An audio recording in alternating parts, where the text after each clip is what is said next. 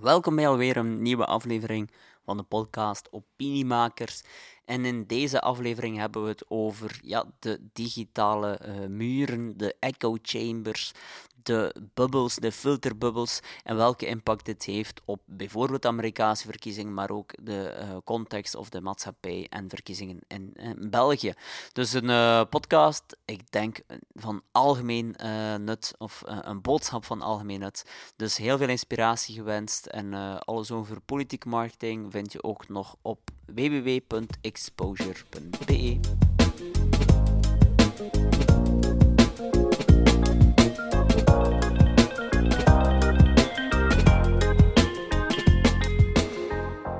Dag Reinoud.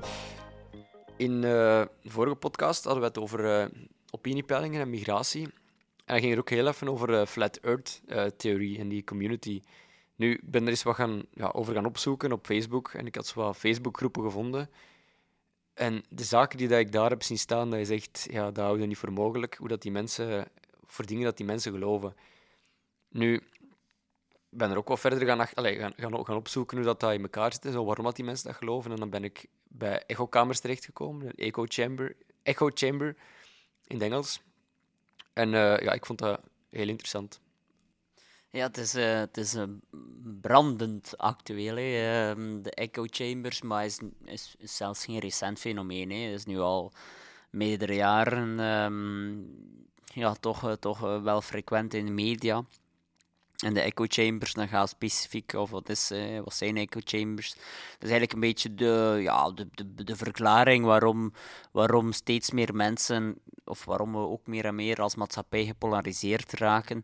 Dat is omdat sociale media en, vooral hun algoritmes uiteraard de dingen geven die je wilt zien. Ik zeg dat altijd in mijn workshops, geen, op sociale media heb je geen informatie, maar confirmatie. En dus, dus uh, ja, waarom, waarom, hè? waarom doen algoritmes dat? Dat is gewoon puur van, ja, dat is eigenlijk de psychologie. Hè? Vandaar ook in deze aflevering dat het aan bod komt, want het is puur psychologisch, omdat mensen houden van confirmatie. En dat heet ook al de confirmation bias. Hè? We zijn veel, als we bijvoorbeeld een mening willen maken, gaan we ook expliciet op zoek gaan naar confirmatie. En dat, dat denkbaar aan jezelf, dat je in Google dingen intikt van ja, ik wil daar bewijs voor. Dan ga je specifiek ook jouw, jouw, jouw punt gaan intikken in Google. Is het, klopt het dat de aarde plat is, bij wijze van spreken? Ja, dan ga je natuurlijk allemaal blogs vinden dat de aarde plat is en verklaringen. En zo, zo kom je terecht in je, in je, in je eigen uh, echo chamber, waarbij je dus als je iets roept, en dat is dan een beetje die metafoor, dat je vooral maar je eigen echo roept, uh, hoort. Hè. Dus als je iets intikt of iets opzoekt op sociale media of intikt, uh, ja, dan zie je vooral de zaken dat jij ook denkt. Ja, en politiek gezien lijkt me dat ook heel gevaarlijk. In de zin van, van ja, dat mensen gewoon veel harder gepolariseerd geraken daardoor. En extremer gaan beginnen denken, omdat ze elkaars extreme gedachtegoed nog meer gaan versterken. Ja, dat klopt. Uh, dat klopt. En jouw eigen mening wordt meer, steeds meer genormaliseerd. Hè? Of misschien jouw mening wordt steeds softer gezien. Aangezien hoe extremer de, de groep, hoe softer je eigen mening en hoe meer genormaliseerd het wordt. Waarbij je tot op een punt komt dat je, dat je jezelf in een groep gaat zeggen van ik ben hier eigenlijk wel de, de progressieve, terwijl dat je misschien op grotere schaal al extreem conservatief bent. Dus um, ja, dat is natuurlijk uh, normbesef, normvervaging zit er ook heel hard in, omdat je continu die echo hoort. Hè. Ja, en groepsdruk waarschijnlijk ook. Hè. Absoluut, ja. absoluut. Ja. Ik denk dan ook aan die, uh, ja, die, die, die, die chatrooms of die fora van uh, Schild en Vrienden bijvoorbeeld, met de memes en al.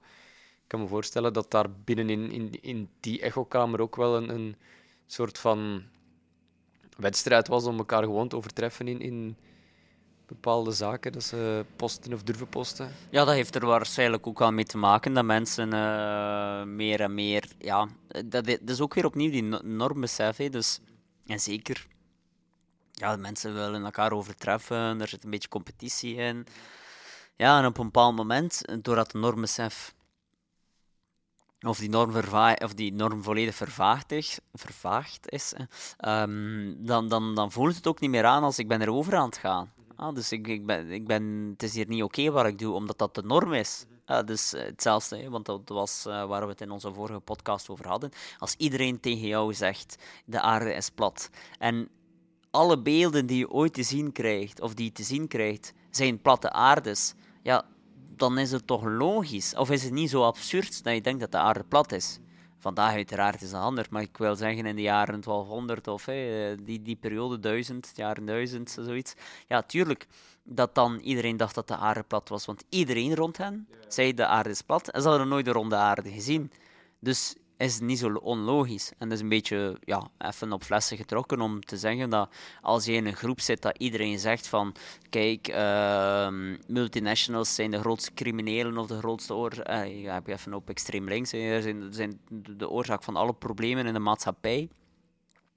Um, en, en iedereen zegt dat en je, je hoort dat bij al je vrienden en al je netwerk. En vandaag meer en meer online vooral online uiteindelijk. Mensen zien dat ook in studies, dat, dat zeker bij jongeren, vooral uh, jongeren sociale media gebruiken, maar niet enkel jongeren hoor, maar een hele grote groep mensen die sociale media gebruiken om aan informatieverzameling te doen. Dus het is niet zo absurd. Het is niet zo absurd dat mensen dan ook steeds extremer uh, beginnen te denken. Ja, inderdaad. En, en nu dat over normvervaging gaat en over extremisme, uh, ja, het is onlangs weer in de media geweest. Trump, zijn veroordeling, vooral rond die bestorming van het kapitool en zo, het feit dat dat kunnen gebeuren is, dat is toch ook ontstaan in, in een echokamer, denk ik dan. Ja, dat is uh, in Amerika is denk ik uh, de, de, de, het summum van, uh, het van, de voor, van de voorbeelden van de echo chambers. Dat is ongelooflijk. Uh, het was nu recent dat ik ook een podcast aan het luisteren was over cultuur. cultuur in Amerika en ook hoe de echo chambers en de, ja, het hele polariseer, polariserende in Amerika ook effect heeft op cultuur. Hè. Bijvoorbeeld, misschien gezien ook um, als muziekliefhebber Kevin, dat er nu op de nummer 1 in Amerika, zo heb je, de, noemt het hier de ultratop, hè, de ultratop in Amerika, dat uh, de, op de nummer 1 een liedje stond um, ja, over eigenlijk een... Um, laten we zeggen, het zit een beetje country. Uh, en dat, dat, dat eerste liedje gaat dan eigenlijk over het feit dat, ja, zou dat wat je daar doet in de grote steden, ik ben wel kort door de bocht door, wat je daar doet in de grote steden zou hier op het platteland nooit pakken. En ja, het, was heel, het is ook heel symbolisch, want hij doet dat uh, voor, voor een plaats die zeer, allee, die toch uh, heel racistisch ook gelinkt is en, en, en zo verder. En ja, ook de, de beelden die ze oorspronkelijk hadden gebruikt, waren dat er dan protesten in Amerika, dus van Black Lives Matter. Dus dat is eigenlijk zelfs daar hè, zie je dat de nummer 1 hit een zeer zeer echo chamber resultaat is. Want dat, was, dat is dan één bepaalde groep mensen die daar zeer massaal naar luisteren en zeer massaal afspelen en die dat allemaal delen in hun community. En daardoor is dat op nummer 1 gekomen. En daar ook weer voor op maatschappelijk niveau dan een stukje normvervaging uiteraard. Hè. Maar uh, ja, om dan Trump, ja, Trump zijn aanhangers, um, ja, als je nu ook weer kijkt naar de peilingen, een beetje afhankelijk van wanneer je deze podcast beluistert, maar op dit moment ligt Donald Trump 30 procentpunten voor op de nummer 2 bij de Republikeinen. En wil dat zeggen dat er zoveel meer mensen Donald Trump steunen? Uh, dat zal kwantitatief ook zo zijn, maar het is vooral de kwaliteit van zijn uh, ambassadeurs. En met kwaliteit bedoel ik niet positief of negatief, maar bedoel ik hoe die hard, ja, hoe die hard ze zijn. Van, ja, inderdaad. En dat zie je massaal bij die doelgroep, hè, bij Donald Trump zijn achterban, dat die ja, als je dat bijvoorbeeld ook vergelijkt, democraten versus republikeinen. Ik heb ooit zo'n studie gelezen over uh, welke mediabronnen republikeinen versus democraten uh, be ja, bekijken. En in de top 10 was er geen enkele overlap. Misschien eentje, maar ik ben nu aan het twijfelen, maar ik ben zeker dus, meer dan 90% van de mediabronnen die, die republikeinen versus democraten gebruiken, is, is in de top 10 is, is volledig anders. Is volledig anders. Dus dat is een enorm, enorm, enorm verschil. En uh, wat betekent dat nu eigenlijk voor politici in België? Met de verkiezingen in het vooruitzicht en zo? Ja, dat is, uh, dat is iets wat we al lang zeggen. Hè. Zet in op je ambassadeurs. Natuurlijk, ja, dus, we moeten nu hier ook wel opletten dat we dat nu niet geassocieerd worden met Donald Trump en ambassadeurs. Want uiteindelijk, ja, waarom ondanks alles, hè, ondanks alle rechterlijke zaken, juridische zaken, ondanks alle schandalen, uh, dat Trump nog altijd meedoet, heeft puur en alleen te maken met de loyaliteit en de, de, de sterkte van zijn ambassadeurs. En dit is, ja, het is nu wel heel negatief dat van Donald Trump, maar ook anderen gebruiken dat. Hè. Obama had ook een hele sterke achterban. Dus het is niet zozeer dat enkel uh, heel extreme figuren dit, kunnen toepassen. Nee, dat is iets dat iedereen kan toepassen. Maar de kwaliteit en de loyaliteit van je ambassadeurs zijn super belangrijk. Zeker in, uh, in 2024 bij de lokale verkiezingen is er ook geen opkomstplicht meer. Zal ook daar weer heel belangrijk zijn. Dus uh, ja, dat is iets wat we al zo lang adviseren. Is zet in op die achterban, zet in op die ambassadeurs. Probeer daarmee aan de slag te gaan. Doe een community building. En eenmaal je dat hebt gedaan, wat niet evident is hoor, voor alle duidelijkheid. Maar probeer dus echt die emotionele band op te bouwen. Uh, dat kan je ook doen via data-analyse. Gaan met welke, welke initiatieven, welke woorden, welke kernboodschappen kan ik hier de juiste snaren raken. En er is iets wat uiteraard in Amerika massaal gebeurt. Hè. Uh, denk maar aan Cambridge Analytica bijvoorbeeld. Dus ja, dat is echt wel iets dat je in kaart moet hebben om dan uh, die ambassadeurs te kunnen activeren.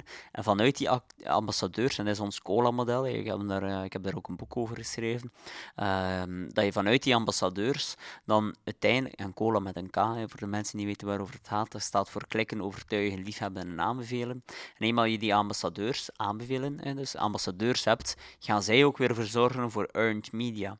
En dat is vandaag met sociale media, zeggen wij altijd, kan je maar op twee manieren nog groeien. Earned of paid. Dus earned media is dan de gekregen media via je owned, owned media, je eigen media, dus je eigen Facebookpagina, alleen daar ga je niet mee groeien. Door algoritmes vandaag, die doen er alles aan om ervoor te zorgen dat je betaalt om te kunnen groeien. Dus je kan enkel nog maar door earned, dus bijvoorbeeld in de pers te komen of uh, viraal te gaan of anderen die over jou communiceren en paid, dus advertenties. Maar natuurlijk, om veel en makkelijk earned media te halen, dan, ja, dan heb je die ambassadeurs nodig of pers. Hè. Pers kan uiteraard ook nog. Um, ik heb ooit bijvoorbeeld ook zo'n studie gelezen, of nee, het was geen studie, het was een, soort meer een dagboek van een campagnemanager bij uh, um, de vorige Amerika nee, niet de vorige Amerikaanse verkiezing, maar die daarvoor, dus de verkiezingen Clinton versus uh, Trump. Dat was de campagnemanager van Marco Rubio. Dat was een van de kandidaten uh, bij de Republikeinen de vorige keer. En, nee, dat is, niet de vorige maar die daarvoor. En um, dus in 2015 waren die voorverkiezingen. En daar zei de campagnemanager dat op eender welk moment in de primaries, dus de verkiezingen, eh, wie dat de presidentskandidaat voor de Republikeinen wordt, op eender welke dag, eender welk moment, eh, genereerde Donald Trump meer earned media dan alle kandidaten samen uh, en alle soorten media, paid, earned, owned samen. Dus elke dag genereerde Trump meer earned media dan eender welke uh, kandidaat paid en earned en owned samen. Dus dat was echt, uh, ja, dat is heel frappant en dan ook niet onlogisch waarom hij, ondanks alles, nog altijd zo populair is en hoe hij ook de vorige keer de verkiezingen uh, één voor één ja, heeft gewonnen. Ja, maar als al die politieke partijen gaan ja, communiceren naar hun achterban, gaan die dan ook geen echokamers creëren, min of meer? Ja, dat is een terechte vraag, maar natuurlijk, het, het eh, gegeven achterban, community, is niet gelijk aan het creëren van echo chambers. Hè. Dus dat, dat staat er los van. Hè. Het, is, het is de realiteit dat er vandaag heel veel echo chambers zijn en dat mensen leven in een bubbel.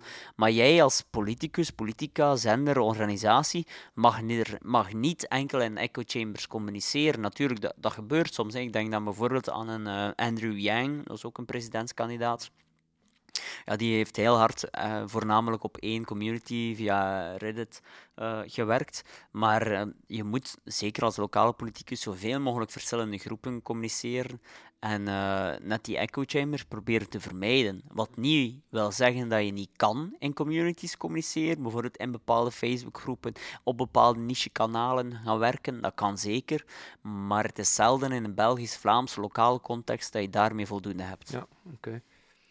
Ik had uh, ook een beetje ja, onderzoek gedaan naar uh, bepaalde initiatieven die daar tegenin gaan. En ik had ontdekt dat bijvoorbeeld de, de nieuwswebsite BuzzFeed, dat die een heel sectie op hun website hadden gemaakt, waarin dat, uh, ja, met de titel Outside Your Bubble Dus dat er vooral artikels opkwamen voor, ja, die, die misschien niet strook met, u, met, met de, de ideeën of de, ja, de gedachten van de bezoeker.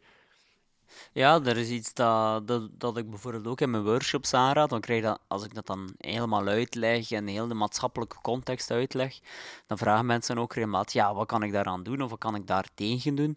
En dan zeg ik ook regelmatig van, het is uiteindelijk, het begint bij jezelf. Het begint bij jezelf. Waarom doen, waarom werken algoritmes zo? Ja, omdat dat gewoon meest succesvol is. En waarom is het zo succesvol? Omdat elk individu uh, zijn of haar gedrag zo eenmaal nu is. Hè? Dus het begint bij jezelf. Als alle individuen anders gaan handelen, dan gaan die algoritmes ook anders handelen. En wat ik daar dan als advies vaak geef, is als jij weet van jezelf dat je bijvoorbeeld, ik zeg maar iets heel vaak, uh, Apache uh, bekijkt, um, ja, dan moet je misschien dat is een beetje een Vlaamse context. Uh, dan, moet je, dan kan je eigenlijk ook initiatief nemen om bewust regelmatig eens, bijvoorbeeld, ik ben nu ben even op lessen aan het trekken hoor, een doorbraak uh, gaan bekijken. Maar jij moet dan zelf die stap zetten en zelf gaan opzoeken en er zelf op klikken, zodanig dat je eigenlijk het algoritme traint van ik wil ook nieuws buiten mijn eigen uh, visie gaan krijgen.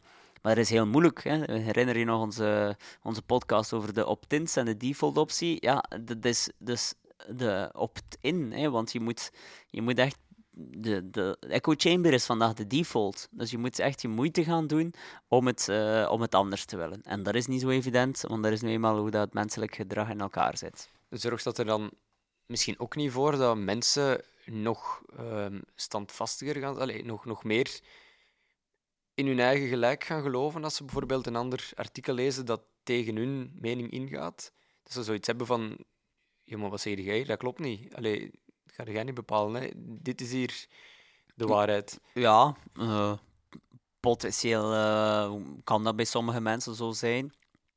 Maar uiteindelijk is de realiteit vandaag... Ik denk, dat is een potentieel nadeel dat zou kunnen, maar het nadeel zal niet opwegen ten opzichte van de voordelen van mensen, uh, van de voordelen die er zijn bij veel mensen die dan misschien uh, toch één keer een, een, andere mening gaan horen. Dus, en zelf al ben je het er niet mee eens, het gewoon het feit dat je weet dat het bestaat en dat het zo is, is al, is al voldoende. Ja, oké. Dus ja, dat, wat we de mensen kunnen meegeven is van, ja, kom eens buiten bubbel en lees eens uh, een andere krant. En wees je er ook van bewust dat heel vaak mensen, uh, dat het soms misschien voor jou moeilijk is, maar hoe kunnen die mensen nu zo denken? Dat, van waar komt dat? En ja, probeer dat ook menselijk te benaderen en dan te denken van oké, goed, wat kan ik met uh, wat kan ik hierover zeggen? Is, is misschien, ja, de aarde is plat, maar kijk, heb je misschien dit al gezien? Mm ja, misschien heb je het gewoon nooit gezien in plaats van onmiddellijk in de tegenaanval mm -hmm. te gaan. Ja. Ik zeg altijd, uh, we hadden vroeger de, de, de Berlijnse muur, hè, of de, de muur. Vandaag heb je ook die muren, maar dat zijn dan digitale muren en uh, we moeten ze af en toe proberen te slopen. Ja, alright. Nee, dat is een mooie boodschap om mee te eindigen. Merci Reinhard.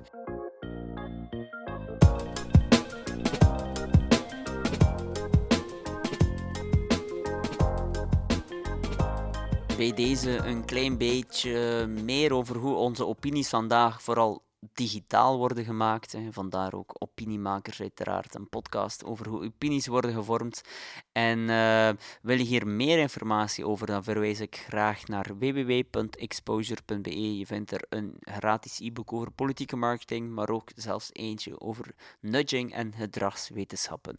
En heb je feedback? inzichten die je wilt delen met ons, eh, aarzel niet om ons te contacteren. En tot de volgende aflevering.